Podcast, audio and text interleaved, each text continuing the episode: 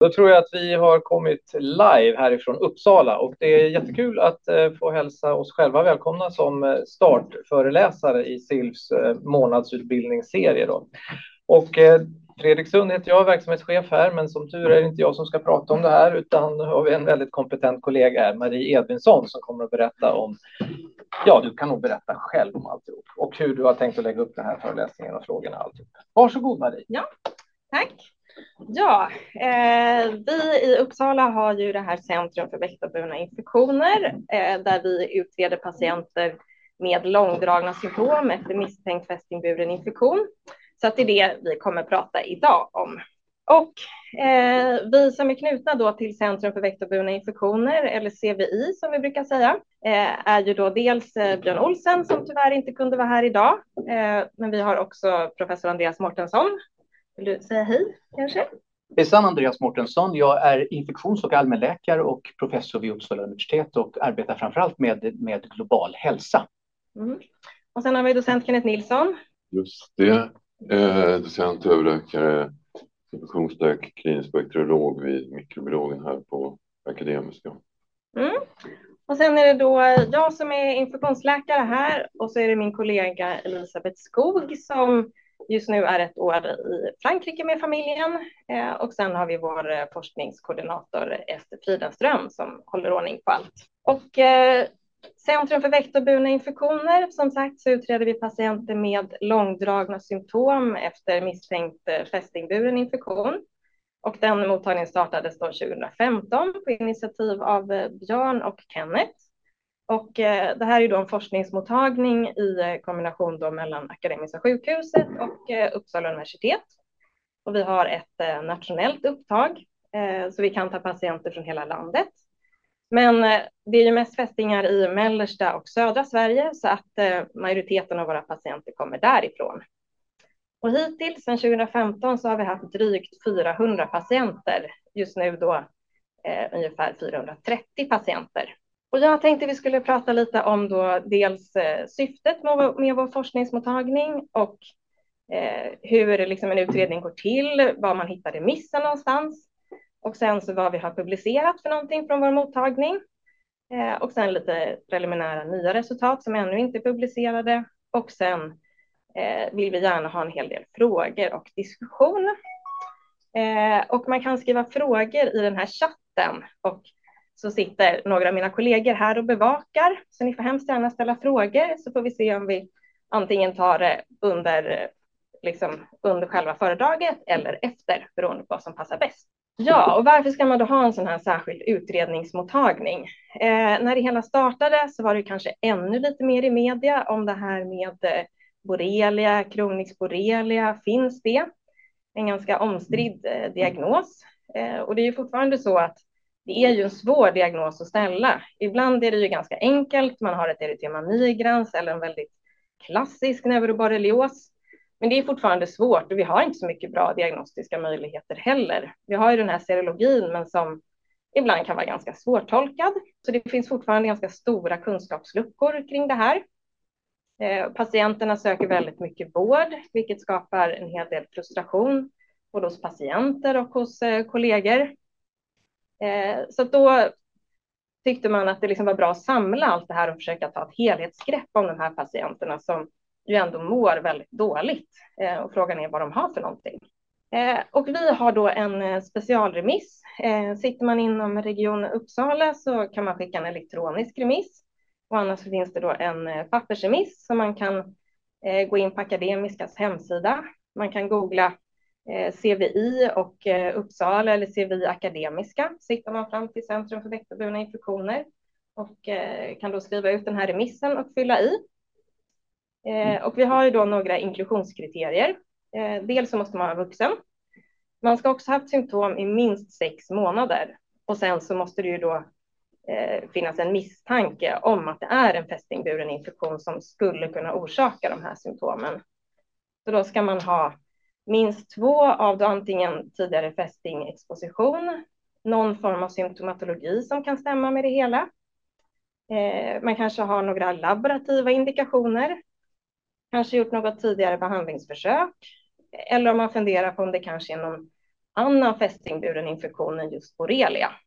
Och varför har vi då just sex månader som ett kriterium kan man fundera på. Och då är det så att det finns en diagnos som heter PTLDS, Post Treatment Lyme Disease Syndrome. Och det är då inte någon sån här ICD-diagnos eh, liksom som finns i Sverige som är vedertagen. Men däremot så finns den här definitionen i bland annat USA och i Schweiz. Och då ska man då ha haft en kliniskt eller labbmässigt dokumenterad episod av borrelia som då trots adekvat antibiotika eh, gör att man ändå har ett kvarstående nedsatt hälsotillstånd efter sex månader. Där man då har minst Eh, ett av följande som då trötthet, muskuloskeletal smärta eller kognitiv nedsättning.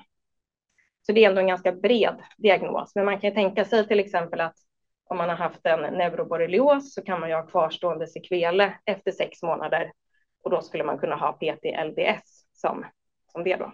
Och vår utredningsgång, där har vi då den här eh, remissen och eh, då har vi bestämt att eh, i vår grupp att den här remissen ska bedömas av minst två läkare innan vi eh, eh, accepterar remissen.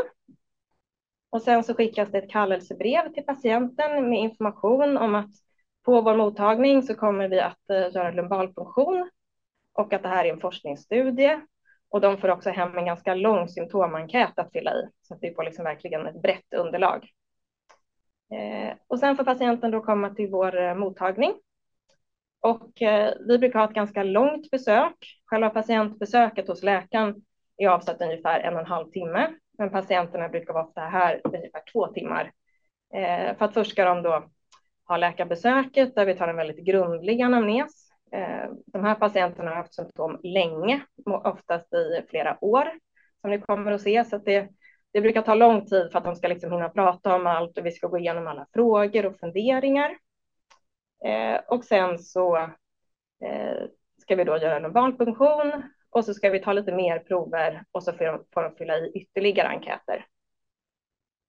Sen tar det ett litet tag innan alla provsvar har kommit in och då har vi en eh, gemensam behandlingskonferens i gruppen där vi då ska vara åtminstone två infektionsläkare, gärna fler, för att det ska bli någon form av mer liksom konsensusbeslut eh, på det hela. Och då går vi igenom framför allt den här frågan, har patienten någon fästingburen infektion? är ju den stora frågan. Eh, och ska den behandlas med antibiotika? Eh, och sen så skickas då ett remissvar till eh, inremitterande med alla provsvar. Eh, sen brukar det också komma ganska mycket funderingar när vi sitter och diskuterar symptom och labbsvar. Det kanske är något avvikande labbsvar och då brukar vi ge ett förslag på vad man kan fundera på att gå vidare. Man kanske ska följa upp liksom något avvikande provsvar. Eh, och vi skickar också ett brev till patienten med en sammanfattande bedömning. Och vad provtar vi då för någonting? Vi provtar ju då de fästingburna patogenerna i Sverige. Har patienten någon Mm. annan mer spridd epidemiologi eller någonting annat som vi börjar fundera på under besöket, då vidgar vi liksom såklart provtagningen. Men det här är det som vi provar för åtminstone kan man säga.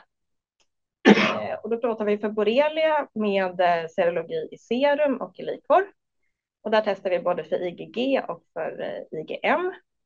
Och sen så för att konfirmera de här provsvaren så kör vi på Western blott också. Sen något år tillbaka så kör vi även borrelia PCR i blod eh, som vi skickar till Jönköping för att eh, kunna fånga den här borrelia myamotorg som har tillkommit. Vad det gäller rickettsia så tittar vi på serologi i serum och eh, vi kör även PCR i eh, likvor. Anaplasma är det serologi i serum eftersom det här är patienter som har haft symptom under en lång tid. Neoelikia, där är det PCR i blod och eh, det skickas då till Göteborg. TBE är det serologi i serum och där är det viktigt med vaccinationsanamnesen. Och sen Bartonella, då provtar vi med serologi för Bartonella, Quintana och Hensele. I början av mottagningen, eller när mottagningen startade, så provtogs patienten även för Babesia. Men eh, efter att de första hundra hade varit negativa och det var väldigt svårt att att hitta mer liksom provtagningsmaterial och vart vi skulle skicka de här proverna så slutade vi med det. Så det tar vi bara ibland.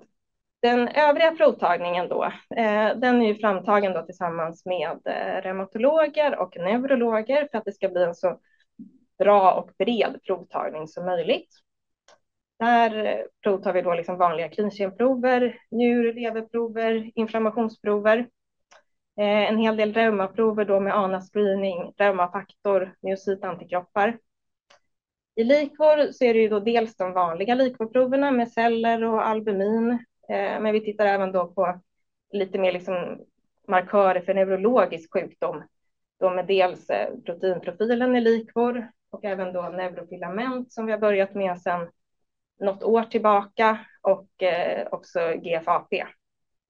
Och sen tar vi då också den här akutfasmarkören CXL13 som ju brukar vara förhöjd i samband med en akut neuroborrelios. Mm, och vad har vi hittat då? De här två eh, publikationerna från PLOS ONE är då det som beskriver, eh, den första där beskriver då de första 224 patienterna i vår studie. Och de två kommer jag att prata lite mer om. Sen så har vi också ett litet pek om Bartonella, där vi bröt ut det. Och sen har vi också en del av våra patienter ingår i det här materialet då från Kristin Wennerås grupp i Göteborg som har tittat på neoerlika specifikt. I den här första studien då, det var det som sagt 224 patienter, eh, ungefär lika många män som kvinnor med en medianålder på 55 år. Men ett väldigt stort eh, åldersspann som ni ser från 18 till 92 år. Och patienten hade haft symptom oftast väldigt länge, median fyra år, men en del ända upp till 40 år. Så det är ju nästan en hel livshistoria ibland att berätta. Eh, och många har ju väldigt mycket besvär. Eh, de allra flesta har någon form av neurologiska besvär. Många har muskuloskeletala besvär. Majoriteten har någon form av trötthet. Eh, även då neurokognitiva besvär och ledvärk. Dock inte så mycket ledsvullnad brukar vi oftast inte se. Och tittar man då vad det gäller fästingexponering hos de här så hade 74 procent hade någon gång noterat ett fästingbett. En tredjedel hade haft ett erytema migrans. 6 procent hade haft en eh, konstaterad neuroborrelios och 1 procent hade haft akrodermatit. Och den absoluta majoriteten hade ju då fått antibiotika någon gång och de här som har haft erytema migrans har ju säkert fått kobetinin eller möjligen Doxy om de är allergiska. Eh, men sen är det också många som har fått väldigt många upprepade antibiotikakurer. Eh, och 13 procent hade sökt vård utomlands. Och det är ju någonting vi känner igen från våra patientbesök, att en hel del patienter söker sig utomlands. Både att de skickar prover utomlands, kanske då främst till Tyskland, eh, eller att man åker och besöker kliniker utomlands. Vi har hört om Tyskland, Polen, eh, någon har skickat prover till Belgien och någon har även varit i Turkiet och fått diagnostisering och behandling. Och då är det ju ofta behandling med många olika former av antibiotika och ofta väldigt långa tider med antibiotika. Och ingenting som egentligen finns någon evidens för i den vetenskapliga litteraturen, så som vi tolkar den. Mikrobiologiskt då, hos de här patienterna. Eh, 58 procent var positiva serologiskt, antingen då för IgG, som de flesta hade, men några enstaka har ju varit positiva då bara för IgM, men det är då konfirmerat med en western blot.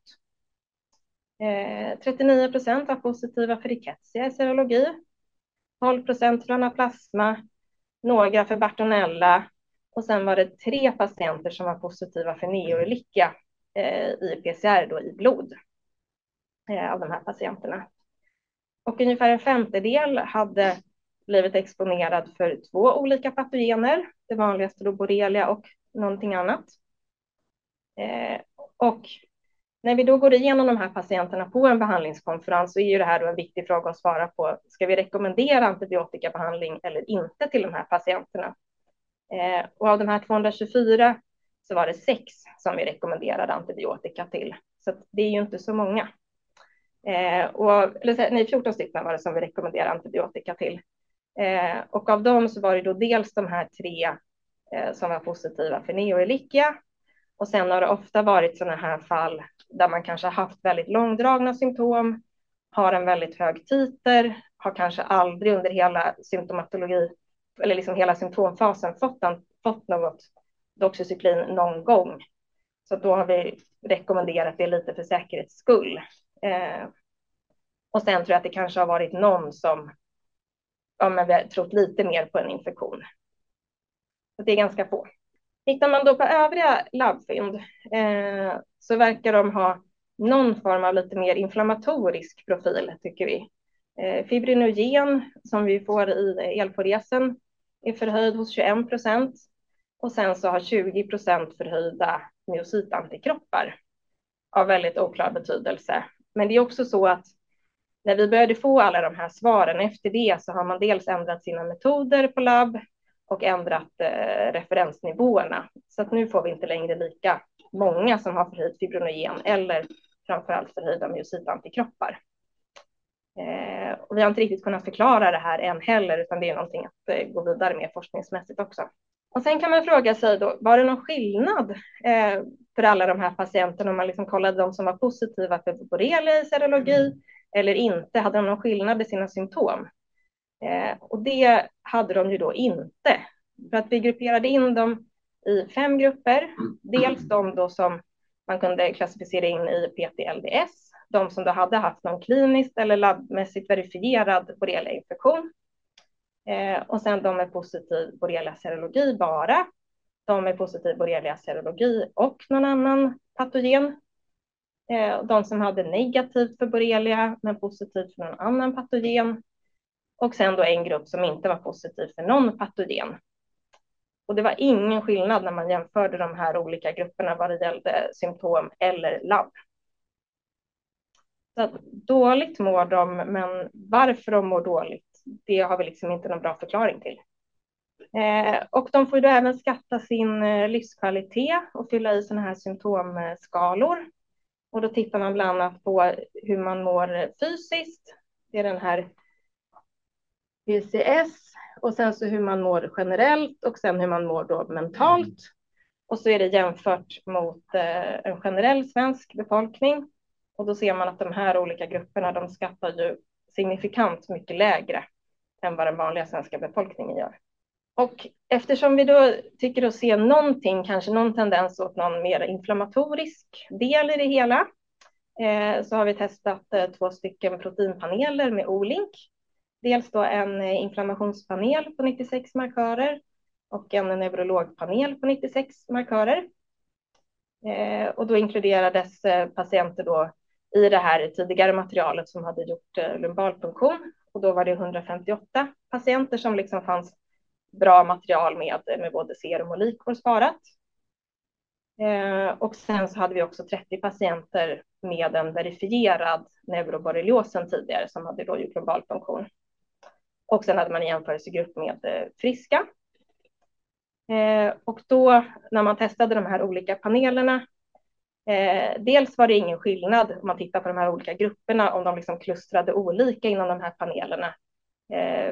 Då var det ingen skillnad alls, men om man jämför då med den här gruppen med akut neuroborrelios, då har de en annorlunda profil. Så där kan man liksom se någonting, men vi kunde inte se någonting mer med de här panelerna eh, i övrigt i grupperna. Sen har vi också funderat, vi gör ju eh, LP på alla de här patienterna, eh, förhoppnings, eller det är liksom målet med det hela, eller grundtanken, för att vi vill ha likvård att titta på. Eh, och då har vi funderat på, gör vi någon nytta med den här lumbalfunktionen eller gör vi någon mer skada eventuellt också, att de får några ja, postfunktionshuvudvärk eller liksom andra biverkningar. Så då har jag gått igenom alla lumbalfunktioner som är gjorda till januari 2022 på de här patienterna.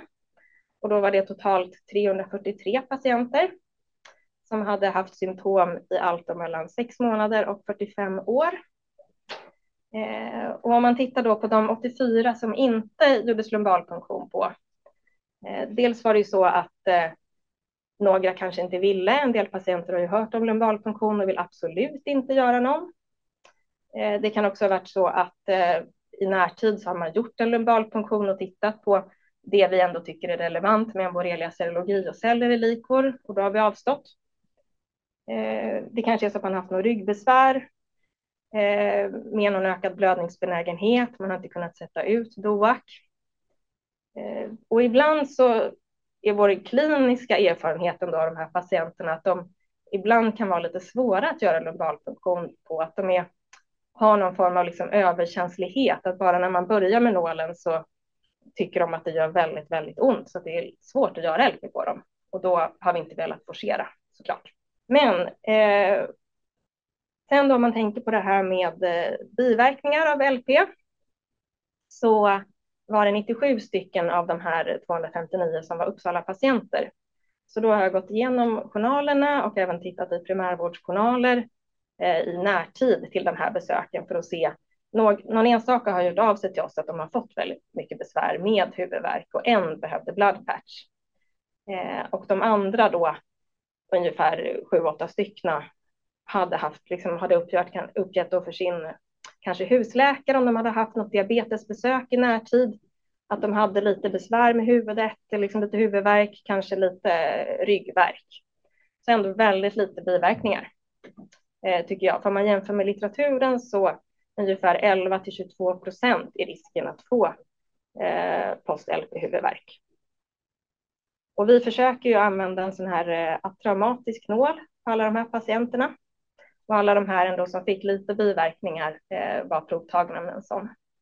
Och tittar man då på vad det gäller borrelia hos de här patienterna som gjorde LP, så ungefär hälften var positiva för borrelia i serum. Eh, 6 procent var positiva i likvor. Det var totalt 16 stycken. 13 av dem var tidigare kända men tre styckna var ju då inte tidigare verifierade som en neuroborrelios. Däremot var alla 16, de hade blivit helt adekvat behandlade med rätt dos doxy och i rätt tid. Men nu kunde vi liksom verifiera att de här patienterna hade haft en neuroborrelios ändå. Eh, och alla var ju då negativa för CXCL13. Här har jag då eh, radat upp de här 16 som var positiva i likvor och om man då tittar på, här har jag sorterat på hur länge sedan de hade eh, sin neuroborrelios, eh, från 0,7 år till 16 år. Sen var det några som eventuellt hade haft två stycken gånger neuroborrelios och de här var då tidigare inte verifierade. Eh, där kan man se att IgG-index i likvor är ju väldigt olika nivåer, allt från eh, då max på 120 till 0,4 som är lägst. Eh, jag hade en fundering på vad, hur kan man se hur IgG i serum är kopplat på något sätt till tidsaspekten. Sen hur länge de hade sin euroborrelios eller hur positiva de var i likvor. Och det kan man ju inte. Så att även då de här som hade sin euroborrelios för fyra, fem år sedan har en ganska ja, men hyfsat stark IgG-index i likvor Eh, men har då bara gränsvärde i eh, serum. Tyckte jag var intressant och det, det är så man kan se i eh, lite i litteraturen också. Dels det här att antikroppar i likvor kan ju ligga kvar jättelänge i många år. Det vi hade som mest här var ju då 16 år, men jag tror att det finns beskrivet ännu längre i eh, litteraturen. Och det är också så att de kan försvinna efter bara ett år. Det är ju inte gjort så många studier på det här. Eh, det är inte så lätt att göra patienterna vill inte så gärna komma tillbaka och göra en ny LP kanske varje halvår för att man ska kunna följa det här. Eh, men det tyckte jag var intressant ändå att se. Rickettsia då, där var det 18 procent som var positiva i serum, Eh, men alla var negativa i Likor, för PCR. De här andra likvårdproverna då som vi tar, eh, tittar man på celler så var det väldigt eh, få som hade något avvikande. Någon enstaka hade bara precis förhöjt på mono, ingenting som vi liksom gjorde någonting åt. Eh, albumin var också väsentligen normalt hos alla. Det var någon enstaka som var förhöjd, men då var ju det också en stickblödning. Tittar man på CXCL13, den här som ska då vara förhöjd i samband med eh, en akut neuroborrelios, den är ju också markör för även för andra neurologiska sjukdomar och kan vara förhöjd då. Eh, nivåerna på de fem som var förhöjda var 14 till 25 och det är ganska låga nivåer. Eh, och där var det en som hade en reumatologisk sjukdom i grunden. Då kan man tydligen ha förhöjt sånt också. Eh, någon hade MS i grunden och då kan det också vara förhöjt. Sen var det någon som var någon eller ett par som var utomlänspatienter så de har jag inte kunnat se mer för jag har inte hittat mer i NPÖ.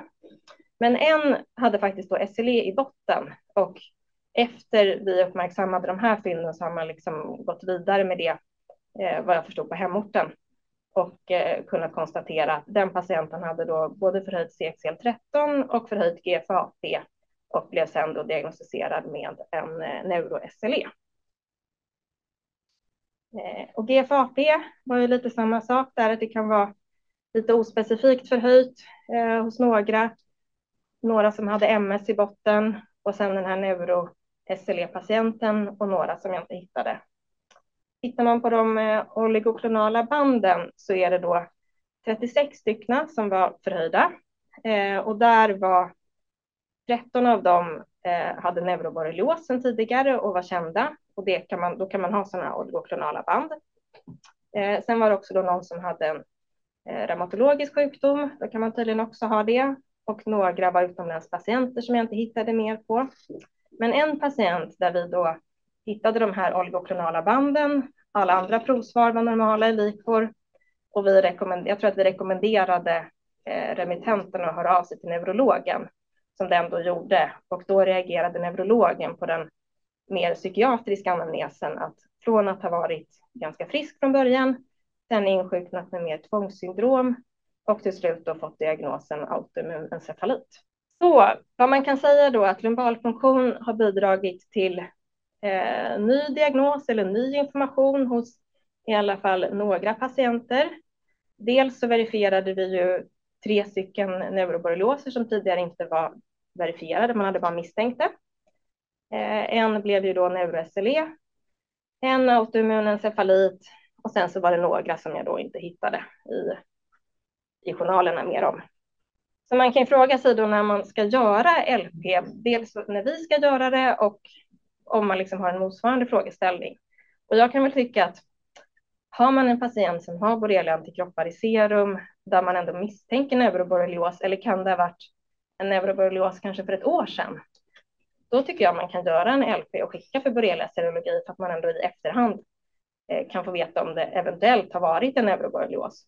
Sen vet man inte, har det varit en neuroborrelios för ett år sedan och patienten är behandlad så kan ju antikropparna ha försvunnit. Eh, Sen kan man också överväga det vid, om man har liksom genom kraftigare neurologiska eller psykiatriska symptom, kan det vara någonting annat? Och sen finns det säkert någon annan indikation när man funderar vidare när man träffar sina patienter. Så framöver då. Eh, dels så tror vi att det finns ett fortsatt behov för en sån här mottagning. Patienterna finns ju fortfarande, även om eh, remissinflödet har ju minskat en del, eh, tycker vi. Eh, och vi tror att det är bra att vi har den här strukturerade mottagningen. Vi har hunnit bygga upp väldigt mycket kunskap och erfarenhet när vi träffar de här patienterna. Och det är en väldigt stor kohort så att det finns mycket mer att göra forskning på. Eh, och sen så det närmaste vi planerar just nu är att vi ska göra en ytterligare journalstudie och följa upp patienterna. Vad har det blivit av dem? Har de fått någon ny diagnos efter kanske tre eller fem år? Så tack för uppmärksamheten. Har det kommit några frågor? Ännu så länge inga frågor i chatten, men Nej, vi kan ju ställa frågor här, här, i rummet. Mm. Ja. Eh, men de här patienterna som man har undersökt då, eh, och har en ganska lång liksom, sjukdomshistoria. När man har gått igenom dem så här noggrant, kan de acceptera att de inte har en infektion eller är de, tror de, tänker de fortfarande att de har det eller kan de gå vidare och hitta andra orsaker till sina symptom? Mm, jag vet inte om ni riktigt hör där ute, men frågan är ju om, om patienterna kan nöja sig med det här om de inte har någon fästingburen infektion och gå vidare. Eller Och det, det är ju vår förhoppning att när de kommer hit att vi kan svara på deras frågor. De får en väldigt grundlig eh, genomgång både kliniskt och, och labbmässigt och att vi kan säga att symptomen beror inte på någon fästingburen infektion och att man då kan, kan gå vidare och antingen titta på andra saker eller förhoppningsvis eh, släppa det hela. Mm. Men har ni någon känsla för de patienter ni har träffat om, om ni tycker att de kan ja. göra det? Eller det, jag förstår att det är svårt för ni inte har ja. träffat dem efteråt, men att, att ni har fått en återkoppling under besöken? Om, om de... En del. Jag tycker nog att de flesta ändå känns som att de lyssnar. Sen finns det ju alltid de som. Det finns ju några som kommer hit och tycker att eh, de inte riktigt tror på våra. Våra provsvar ändå, men de vill ändå göra den här utredningen. Mm, ja. Jag tänkte, kan det vara något att följa upp de här patienterna sen eh, med, med någon enkät? Vad som har hänt efteråt? För det är ju Mm. ändå intressant. Mm, absolut. Eh, frågan är om vi har följt upp de här patienterna eller att, om vi ska följa upp dem. Och det, det är ju det vi delvis ska titta på i en sån här journalstudie. Eh, att vi börjar där, tänker vi. Eh, och tittar då på dem i Region Uppsala. Mm, Kristina? De som eh, kommer till, till oss då, har de eh, blivit ordentligt utredda för andra infektioner innan? Nu kommer vi direkt till Mm. den här frågeställningen. Men eftersom det var så långa förlopp och lite osäkra symptom, trötthet och så, så Mm. det mycket som. Mm. Men hur- har ni hunnit titta i journalerna eller för de Uppsala-patienter och de utredda för? Ja, eh, frågan är om patient, hur mycket patienterna är utredda innan och hur mycket vi vet om det. Eh, och de flesta är ju utredda ordentligt innan och vi försöker, dels försöker vi liksom inrikta oss på vår, vår frågeställning, är det en fästingburen infektion? Men sen tar vi en väldigt bred anamnes och vi sitter och funderar och klurar eh, och försöker titta på sånt också. Så att vi, vi försöker ju kolla av, har de, har de kanske gjort en magnetröntgen av huvudet eller liksom olika sådana saker. Det är lite det som är problemet. Alltså, eftersom tiden kan variera mellan 1 och 40 år, alltså mer än fyra år, så har de ju studsat runt i sjukvården som en i ett flipperspel. Liksom. Det, det är ju anledningen till att vi vill fånga upp dem liksom, och göra det mera standardiserat och ganska brett. Liksom, för att ofta görs det punktinsatser här i världen. Så de har ju ofta en ganska diger sjukhistoria. Utan att fått någon förklaring. Det är det vi också försöker fånga upp i när vi tittar på remisserna. Eh, att om de har, beroende på vad de har för frågeställning, att vi tycker att man får inte missa någonting annat farligt. Eh, så att ibland händer det att vi avvisar remisser just och tycker att utreda här först och sen om frågan kvarstår, då en ny remiss till oss. Nu har det inkommit ett par stycken eh, frågor via chatten och en eh, eh, eh, knyter an till det du redan har varit inne på, men jag vill bara säkerställa så att den här frågan blir väl besvarad. Har ni följt upp om era patienters sjukvårdskonsumtion minskar efter att de har fått en bedömning hos er? Nej, vi har inte riktigt följt upp det, men det är också någonting vi funderar på, för det är en viktig fråga. Det är ju det vi hoppas på att genom att ha en sån här mer samlad mottagning och försöka sitta ner liksom gå igenom allt ordentligt, att patienten inte ska behöva söka så mycket sjukvård just för det här, eller att man mer kan inrikta sig på, på någonting annat än en fästingburen infektion. Och det knyter ju an också till sjukskrivningsmönster, eh, hälsoekonomiska aspekter och inte minst om de här patienterna migrerar till andra komplexa syndrom Mm. eftersom det är överlappande sym- symptomatologi. Eh, vi har ytterligare en fråga eh, från en anonym. Eh, du nämnde att borrelia-antikroppar försvinner efter behandling. Stämmer detta alltid?